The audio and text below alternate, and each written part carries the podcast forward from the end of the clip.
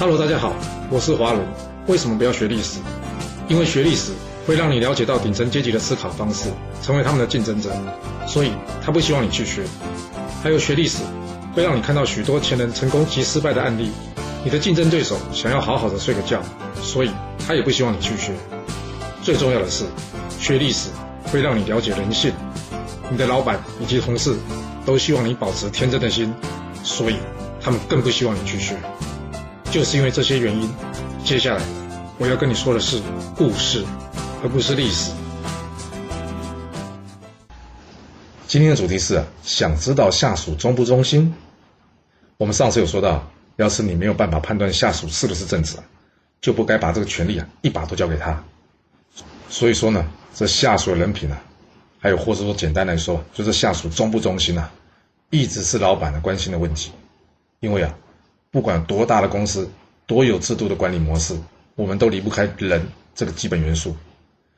一旦掌管公司的人呐，对公司没有一定的认同，或是企图做一些对公司有伤害的事情啊，通常会随着他的职位越高，对公司造成的伤害也就越大。所以呢，这也就不难明白啊，为什么有很多老板喜欢用那些听话但是能力不够的主管，胜过用那些有能力但是却不听话的主管。不过，听话就是忠心吗？好像不能就这样画上等号哈。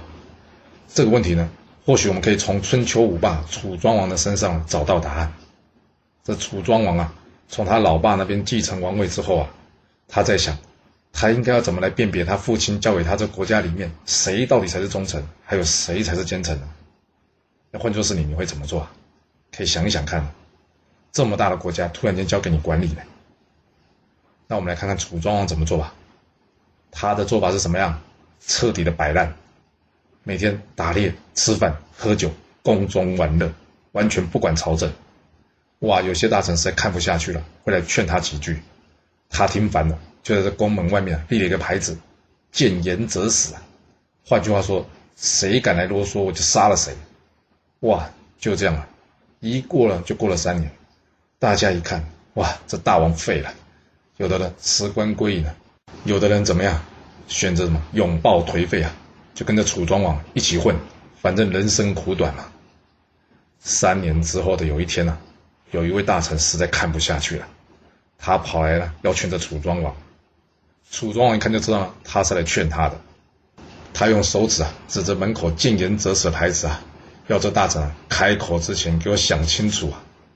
但这大臣很聪明哦，他说：“我不是来劝你的，我只是来说故事的。”楚庄王说：“哦，说故事啊，那好，说说看吧。”大臣跟他说：“啊，呃，听说呢，楚国都城南方啊，有一只奇怪的大鸟，停在那里三年不飞，三年不鸣。三年不鸣就是啊，三年都没有叫啊。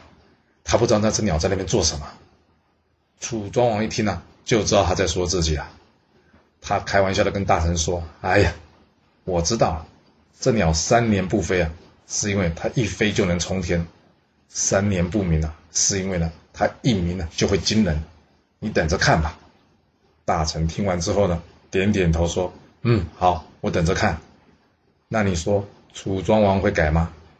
哎，他完全没改，依然故我。又过了几天呢，真有一位不怕死的大臣来劝他了。楚庄王按照往例啊，用手指着门口“禁言则死”的牌子啊。要他开口之前给我想清楚啊！没想到呢，这大臣勇哦，他说死就死吧，死我要劝你啊，不然这楚国就快被你玩完了。说完呢，他噼里啪啦的把这楚庄王给骂了一顿。最后啊，他向楚庄王要一把剑，准备自刎。此时呢，楚庄王却一反常态啊，他站起来，深深的向这大臣啊鞠了一个躬。他告诉大臣：“谢谢你啊。”我现在终于明白楚国谁是忠臣，谁是奸臣了。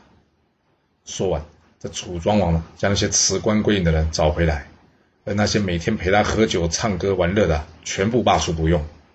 没多久，楚国迅速的成为强国，击败对手晋国。听到这故事，你们觉得还有这一招啊？耍废看忠心的。不过说到这，先岔题一下，并不是所有人都可以像楚庄王这样玩的。至少得像楚国这样家大业大，才经得起他这样玩三年没垮掉啊！其实啊，不只是下属，对朋友一样的。那些只会邀你一起去享乐，但是对你成长完全没有贡献的朋友，你觉得是真正要留在身边的朋友吗？而那些愿意说出难听实话劝你的人，就真的是阻碍你的人吗？或者是你认为那些对你说话永远表示赞同、不会忤逆你意思的人，才是值得深交的朋友？还是那句老话，良药苦口良于病，忠言逆耳利于行啊？你说是吧？若是你有其他的想法，也欢迎你留言分享你的看法给大家哦。好啦，我们今天先说到这。如果你就是不听我的劝，想知道完整版的故事内容，你可以从说明栏找到我爱故事频道的连结。